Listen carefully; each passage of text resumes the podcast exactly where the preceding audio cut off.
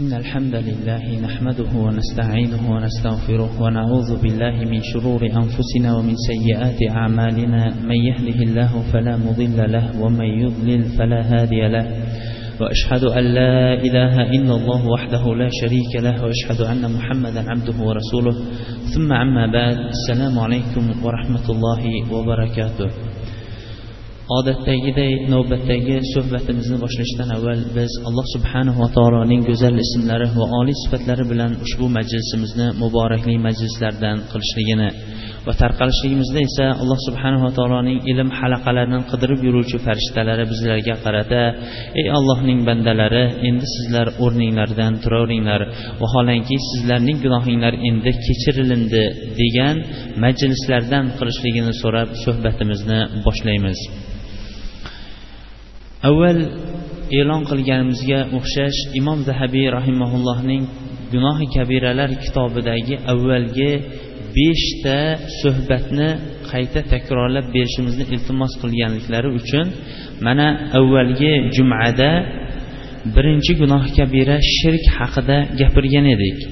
Inshaalloh bu jumada namozni tark qilishlik gunohi haqida to'xtaladigan bo'lsak va namozning islomdagi manzilati nihoyatda buyuk bo'lganligi va bu namozning shunchalik buyuk manzilatini ko'pchilik bilolmayotganligi uchun biz namoz va namoz o'qish odoblari va bu jamoat bilan o'qishlik va namozni shoshilmasdan o'qishlik masalalariga batafsil to'xtashlikka harakat qilamiz. Shuning uchun ham bu bir jumaga xos bo'lib qolmaydi balki keyingi va undan keyingi jumalarda ham namoz haqidagi mavzularda bahs qilishlikka harakat qilamiz. Modomiki muallif rahimaulloh gunohi kabiralardan deb namozni tark qilishni gunohi kabiralardan tartibida keltirgan ekan biz avvalambor namoz nima ekanligini haqida bir to'xtab o'tmoqligimiz kerak. Namoz bu islomning rukun ustunlarining bittasidir. Ibn umar roziyallohu anhuma rivoyat qilgan muttafaqun alayh bo'lgan hadisda payg'ambarimiz sollallohu alayhi vasallam buniyal islamu ala hamsin dedilar. Ya'ni islom dini beshta ustun ustiga barpo topdi. Ya'ni beshta narsaga asosan qurildi dedilar. Ularning birinchisi yolg'iz ollohning o'zigagina ilohligiga ma'bud ekanligiga guvohlik berishlik va muhammad alayhissalom u kishi u zotning elchisi ekanligiga guvohlik berishlik ana undan keyin namozni barpo qilishlik ana undan keyin qodir bo'lsa zakotni ado etishlik va ramazon oyida ro'za tutishlik ana undan keyin haj qodir bo'lgan kishilar haj amalini bajarishlik dedilar. Bu hadisdan biz islomda namoz islom rukun ya'ni bu islom ustunlarining sanoqli ekanligini ya'ni beshtagina ekanligini va o'sha beshta ustunning bittasi va inshaalloh bayon qilamiz asosiysi namoz ekanligini tushunamiz. Ana undan keyin tartib bilan kelyapti hadis ham. Birinchi shahodat ana undan keyin namoz. Alloh subhanava taolo nihoyatda ko'p o'rinlarda namozning farz ekanligini bizlarga bildirib keldi. Ba'zi o'rinlarda namozni barpo qilishligimizga buyurdi. Namozning yana boshqa ibodatlardan ajralib turadigan mezasi hamma hali tepada biz zikr etgan ustunlar va boshqa islomdagi rukunlar alloh taolo tomonidan yo vahiy orqali yoinki jibril alayhissalomning o'zlarining ollohdan kelgan oyatdan tashqari bo'lgan amr orqali bo'ladigan bo'lsa namoz bevosita bo'lib ham yerda emas balki yetti qavat osmonning tepasida farz qilingan ibodatdir. Shuning uchun ham namozni o'rniga ya'ni namozning manzilatiga yeta oladigan biron bir unchalik ibodat yo'q. O'tgan ummatlar ham namoz o'qishgan. Ular ham alloh taologa ibodat qilishgan. Oysha onamiz aytadiki ibrohim alayhissalomdan qolgan ikki rakaat namozni payg'ambarimiz alayhissalom avvalgi payg'ambar bo'lganida o'qidilar. Ana undan keyin bu ikki rakaatlisi bu besh vaqt namoz to'liq bo'lganidan keyin ikki rakatlisi farz vaqt e, safar vaqtiga qoldi. To'rt rakatlisi esa muhim bo'lib turgan kishilar uchun o'sha ibodat ibodat hol ibodatli suraticha qolib ketdi deydi. Alloh subhanava taolo payg'ambarimiz sollallohu alayhi vasallamni meroj kechasida bu besh vaqt namozning avvalini ellik vaqt qilib buyurdilar. Hammamizga ham bu ma'lum. Ana undan keyin alloh taolodan yengillikni so'rayib qayta qayta so'ralingandan keyin besh vaqt o'qishlikka buyurilingandan keyin anas roziyallohu anhu imom ahmad va nasoiy va termiziy rivoyat qilib sahih degan hadisda aytadiki ya muhammad. So'ngra nido qilindiki ey muhammad bu hukm ya'ni bu buyruq endi hech ham o'zgarmaydi. O'sha besh vaqt besh vaqtligicha qoladi dedi. Bundan biz bilamizki kim namozni uch vaqt yoinki ikki vaqt o'qiyotgan toifalar bular adashgan toifalar ekanligini mana shu hadisdan bilamiz.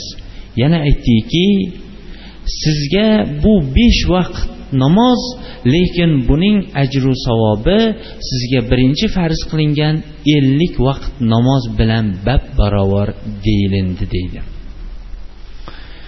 Shuningdek namoz mo'min kishining xushu huzusini yig'adigan ibodat bu namozdir. Inshaalloh sahoba va tobeinlarning namozda qanchalik xushu bilan turganliklari haqida keyingi jumalarda to'xtab o'tamiz. Namoz mo'min kishining o'zining dilkashdi bo'lgan qalbini va dilini chin dili bilan yorilib o'zining siru asrorlarini munojotlarini qila oladigan robbisi oldida turadigan ibodat bu namozdir. Namoz bu kishining nafaqat dunyoda balki oxiratda ham eng birinchi hisob kitob qilinadigan amali bu namozdir. Dunyoda ham juda ko'p o'rinda kishi ibodatidan so'ralinadi.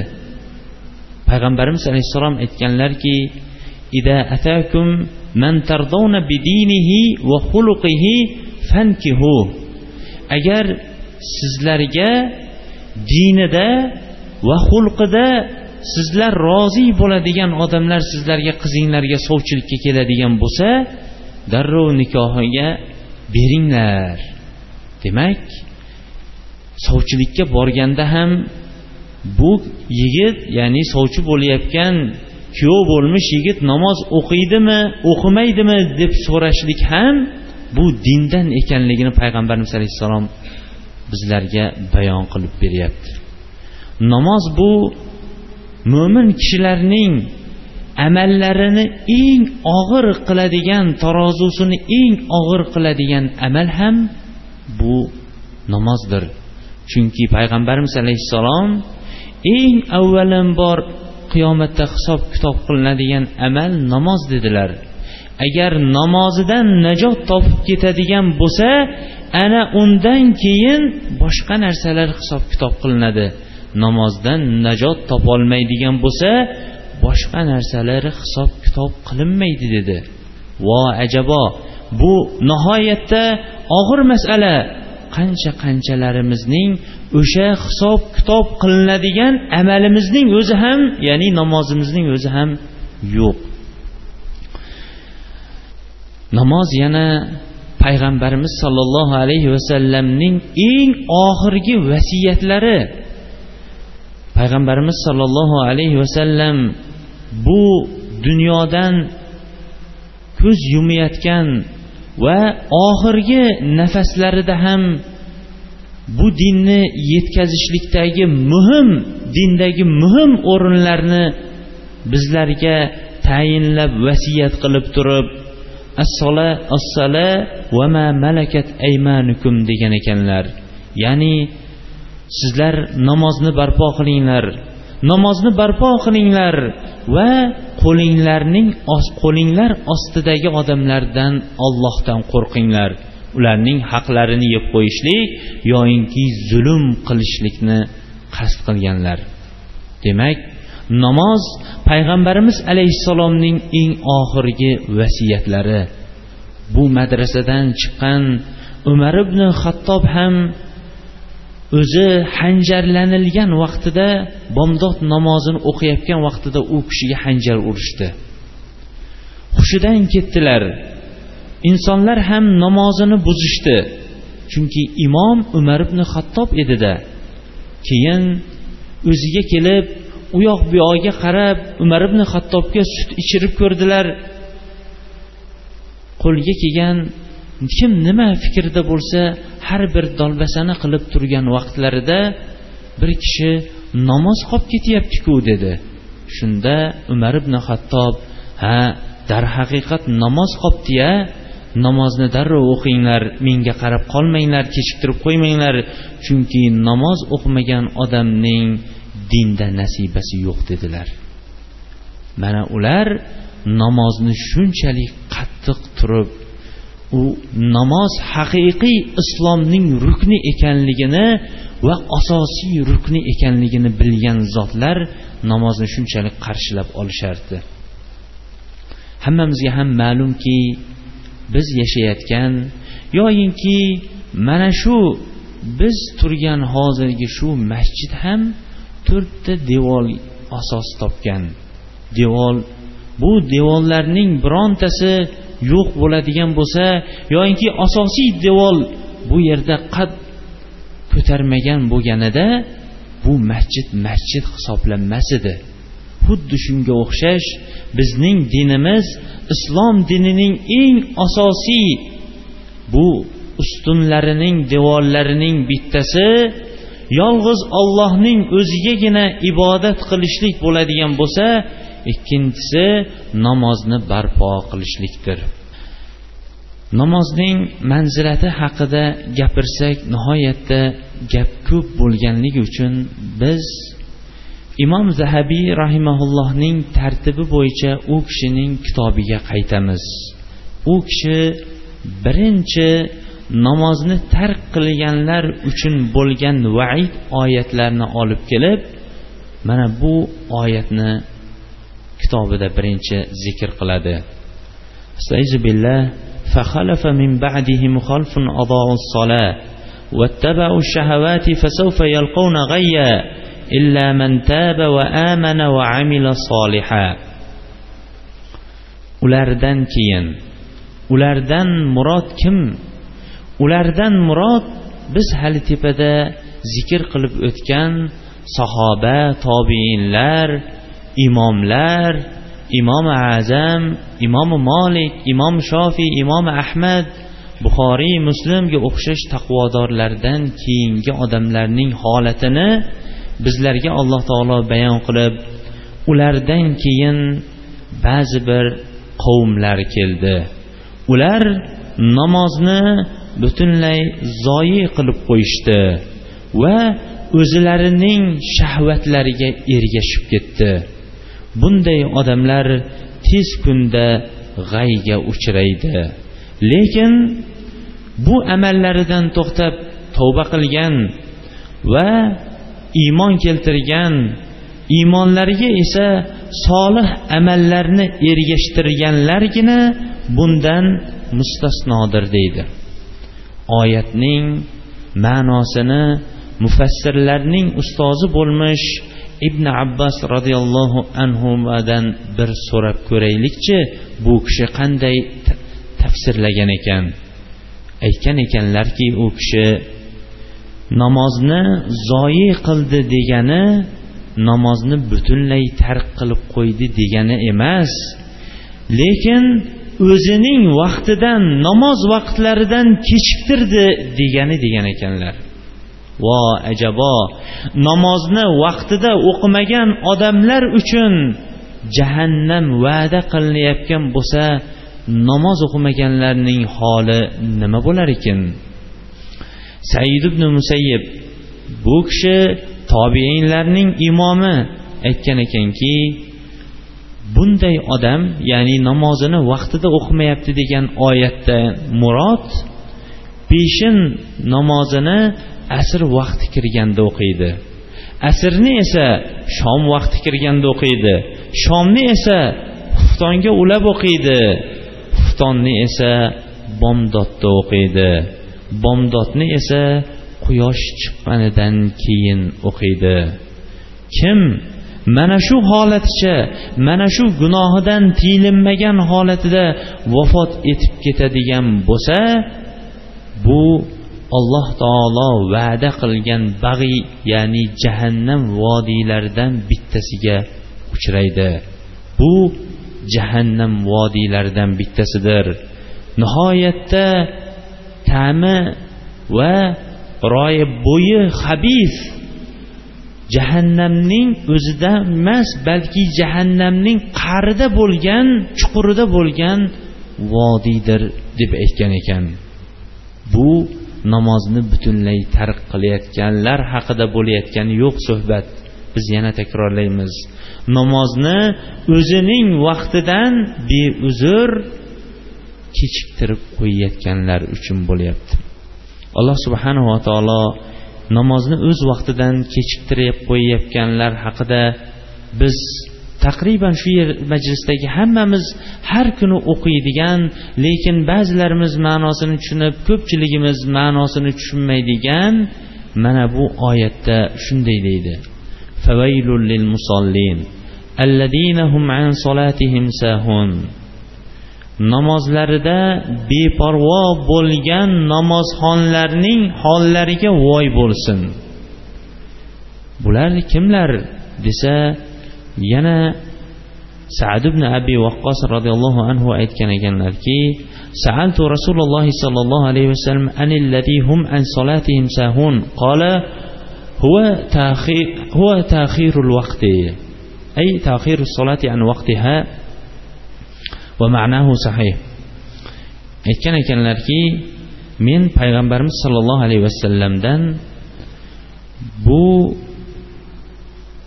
namozlarida beparvo bo'lganlar deganda murod kim desam bundan murod namozni o'z vaqtidan kechiktirganlar deb javob berdilar deydi.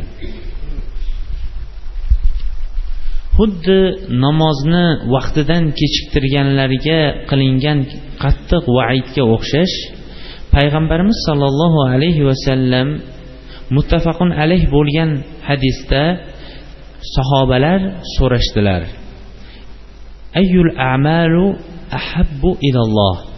Alloh taologa eng suyukli bo'lgan amal qaysi amal deganlarida as-solatu fi vaqtiha dedilar. O'z vaqtida o'qilingan namoz. Bizning ummatga muhammad alayhissalomning ummatiga berilingan xususiyatlar ko'p edi.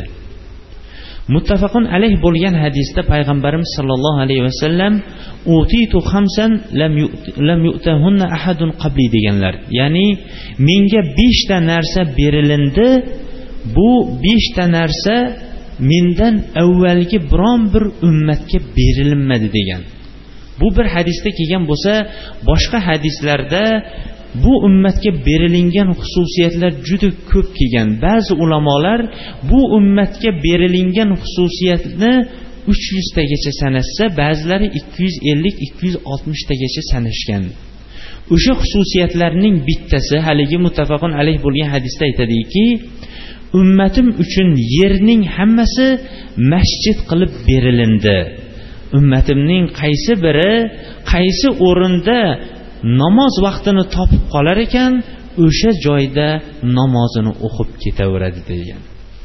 Bu ham namozni o'z vaqtida o'qishlik uchun bu ummatga berilingan imkoniyatlardan edi. Allohning keng fazlu va karamidan. Alloh subhanava taolo bu ummatni nimaga buyurmasin? Bunga o'zining keng qulay va sharoitlarini yaratib berdi. Nima narsani agar harom qiladigan bo'lsa bitta narsani uning muqobiliga o'nlab balki yuzlab narsalarni halol qilib qo'ydi. Ba'zilar uzr so'rashadi biz vaqtida o'qiy olmaymiz deb. Yo'q alhamdulillah hozir yurtimizdagi bunchalik tinchlik xotirjamlik va insonlarning o'zlariga o'zlari xo'jayin bo'lib turgan vaqtlarida ishlarini to'xtatib o'zlari ibodatini qilishligichalik bunchalik erkinlik bo'lmaydi albatta. Alloh subhanava taolo yana bizlarga tanbeh berib turib o'zining ibodatidan to'xtatib qo'yadigan amallarni ham va bunday amallarga biz bosh urib qo'ymasligimiz uchun shunday deydi. Astag'billah ya ayyuhallazina amanu la tulhikum amwalukum va la auladukum an zikrillah.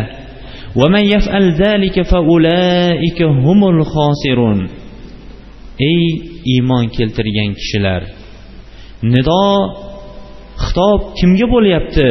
Xitob iymonni davo qilgan iymonim bor mo'minlarning farzandiman mo'min musulmonning farzandiman deganlar uchun bo'lyapti.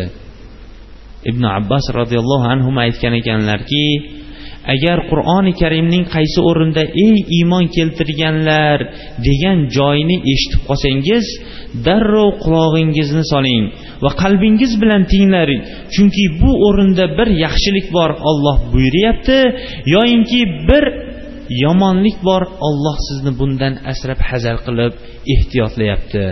Bu o'rin ham qanday o'rin? Bu o'rin ham iymon egalariga bo'lgan xitob bo'lyapti. Ey iymon keltirgan kishilar sizlarni sizlarning mollaringlar va sizlarning bola chaqanglar ollohning zikridan sizlarni to'xtatib qo'ymasin. Kimni endi bu amallar molu davlat bola chaqalar ollohning zikridan to'xtatib qo'yar ekan ular haqiqiy ziyonko'rlardir mufassirlar aytganki ollohning zikridan murod bu besh vaqt namoz degan. Darhaqiqat qaysi o'rinda ollohning zikri qur'onda va hadisda zikr qilinsa eng birinchi farz qilingan amallar tushuniladi. Bu yerda ham besh vaqt namoz qasd qilyapti va oyat shunchalik bir qur'on o'zining mo'jizasini ko'rsatyaptiki ba'zi odamlar aytadiki e avvalgi zamonda odamlarning ishi yo'q edi. Bunchalik ularning tijorati keng emas edi.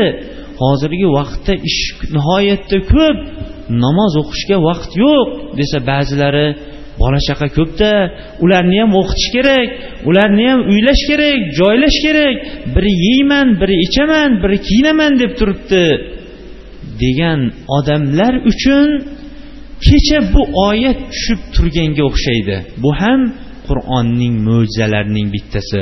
Vaholanki bu oyat bundan o'n besh asr avval tushgan edi.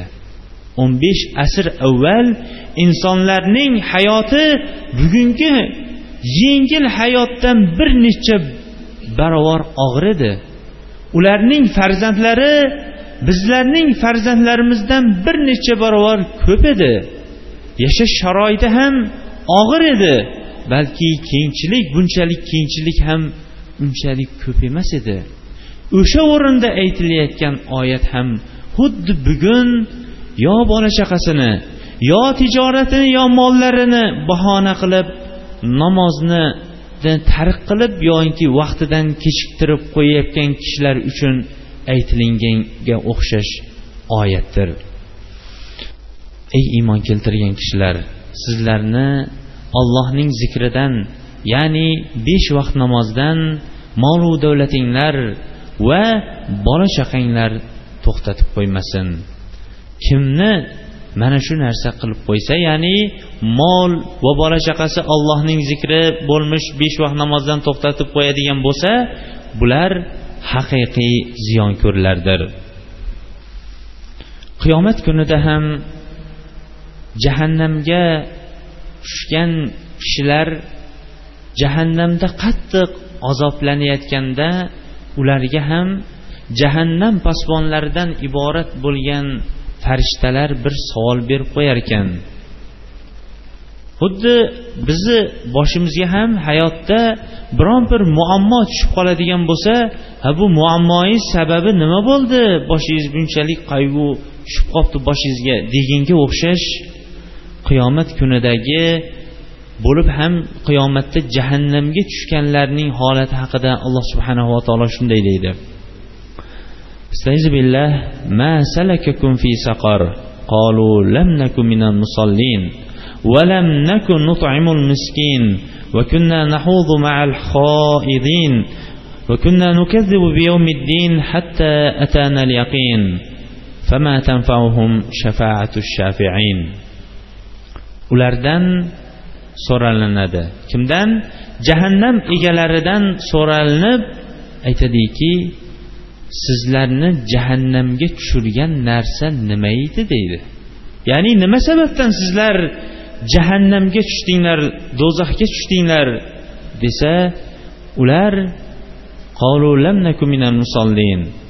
namoz o'qiguvchilardan bo'lmabmiz deyishar ekan.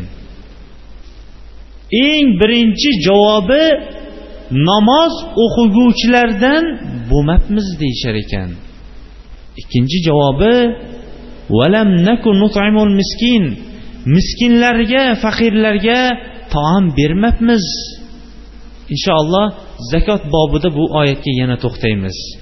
Molimizning haqqi bo'lgan zakot nisobiga yetgan zakotning haqqini bermabmiz.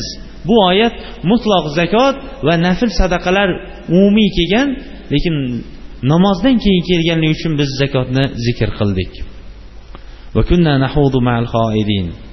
Xuddi boshqalar bemalol yuraverganiga o'xshash dunyo va uning muammolari bilan ovora bo'lib qolgan odamlarga o'xshash biz yuraveribmiz deydi. Xuddi dunyodan nima uchun kelganu nima uchun dunyodan o'tayotganligini bilmagan odamlarga o'xshash biz ham o'shalarda yuraveribmiz.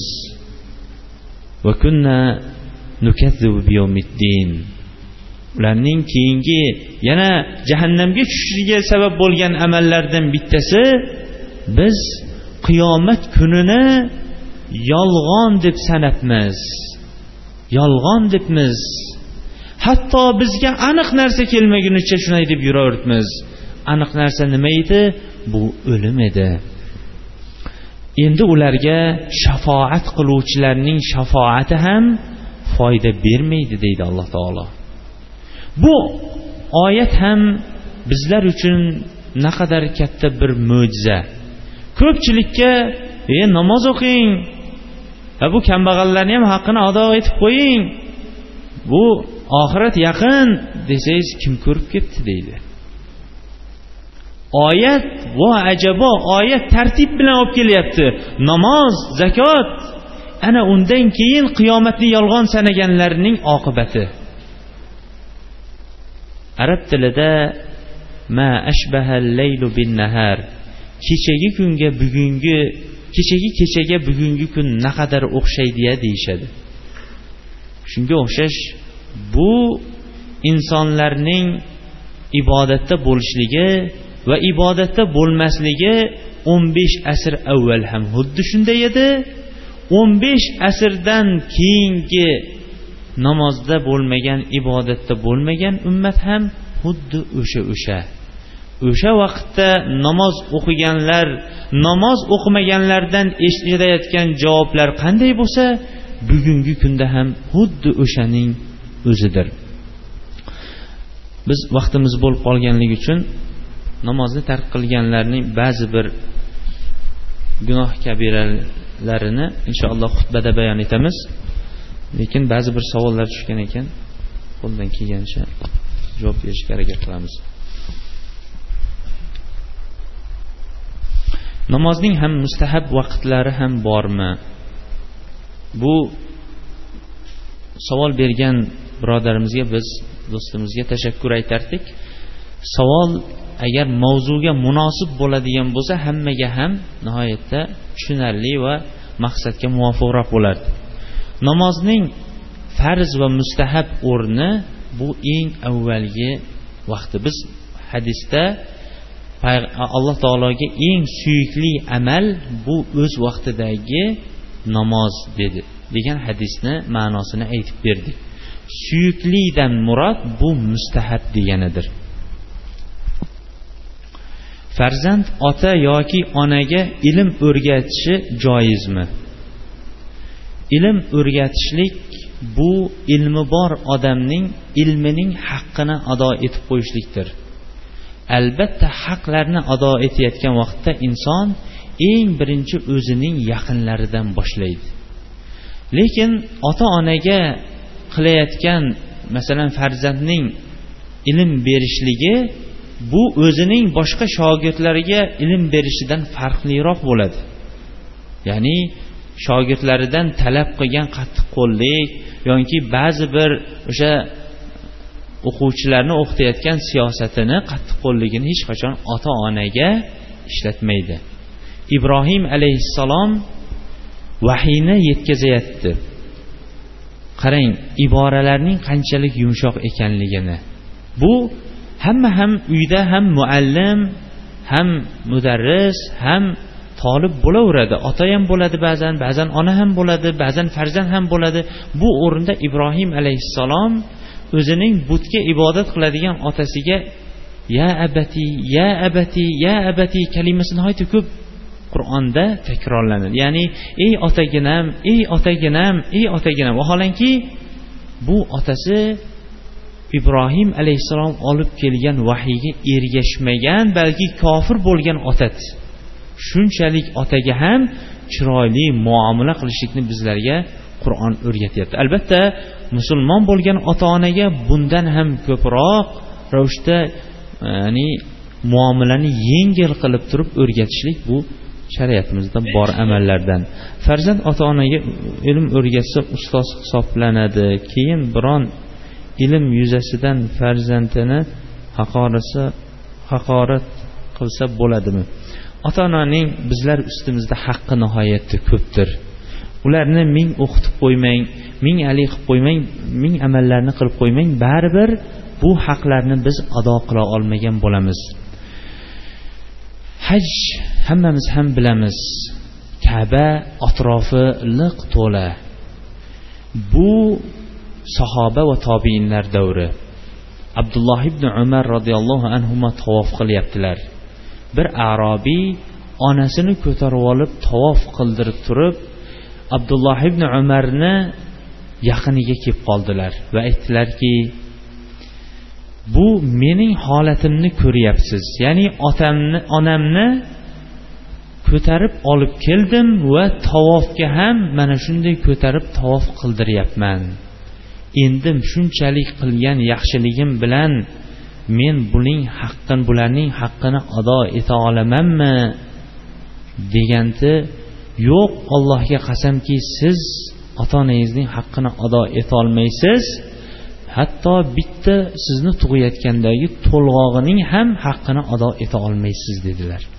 Bu farzand ozgina ilm o'rgatib yo bir narsa qilishligi bilan ota onaning hech qachon boshiga chiqib olib yoki ota ona buni hurmat qiladigan ustoz hisoblanib qolmaydi hech qachon. Ulamolar aytishganki ota onaning haqqini ado etishlikning bittagina yo'li bor. O'sha yo'li agar ota ona qul bo'lsa farzand esa ozod odam bo'ladigan ozod kishi bo'ladigan bo'lsa ularni qullikdan ozod qilgan bo'lsa o'shandagina ularning haqqini ado eta oladi deganlar. Alhamdulillah bizni diyorlarda bizni vaqt zamonimizda qullar yo'q. Biz doimo qul sifatida ularga yaxshilik qilishlikka ma'mur bo'lganmiz. Ana undan keyin ota onaga yaxshilik qilishliklarning eng afzali jahannam tomonga ketayotgan amallardan chiroyli yo'l bilan to'sishligimiz ularni jahannamdan ozod qilishligimizdir. Bu islomni tushunib iymonni tushunib qolgan ota onasi hayot bo'lib turgan yoshlar uchun nihoyatda katta tanbeh va dars bo'lmoqligi kerakdir. Alloh subhanava taoloning go'zal ismlari va oliy sifatlari bilan hammamizni ham bu namozni barpo qilishligimizni va namozni barpo qilishligimiz sababli ota onamizga doimiy yaxshilikni yaxshilik bilan o'rgatishlikni alloh taolo o'zimizga muyassar aylasin. Alloh subhanava taolo bizlarni ham farzandlarimizni ham namozni barpo qiladigan kishilardan qilsin. Namoz nima ekanligini va namozning islomdagi manzilatini bilishlikka hammamizni ham muyassar etsin. Subhanakallohumma bihamdik. Ashhadu an la ilaha illa anta astag'firuka va atubu ilayk. Va sallallohu taala xayr xalqi muhammad va ala alihi va sahbihi ajmain. Bi rahmatika ya arhamar rohimin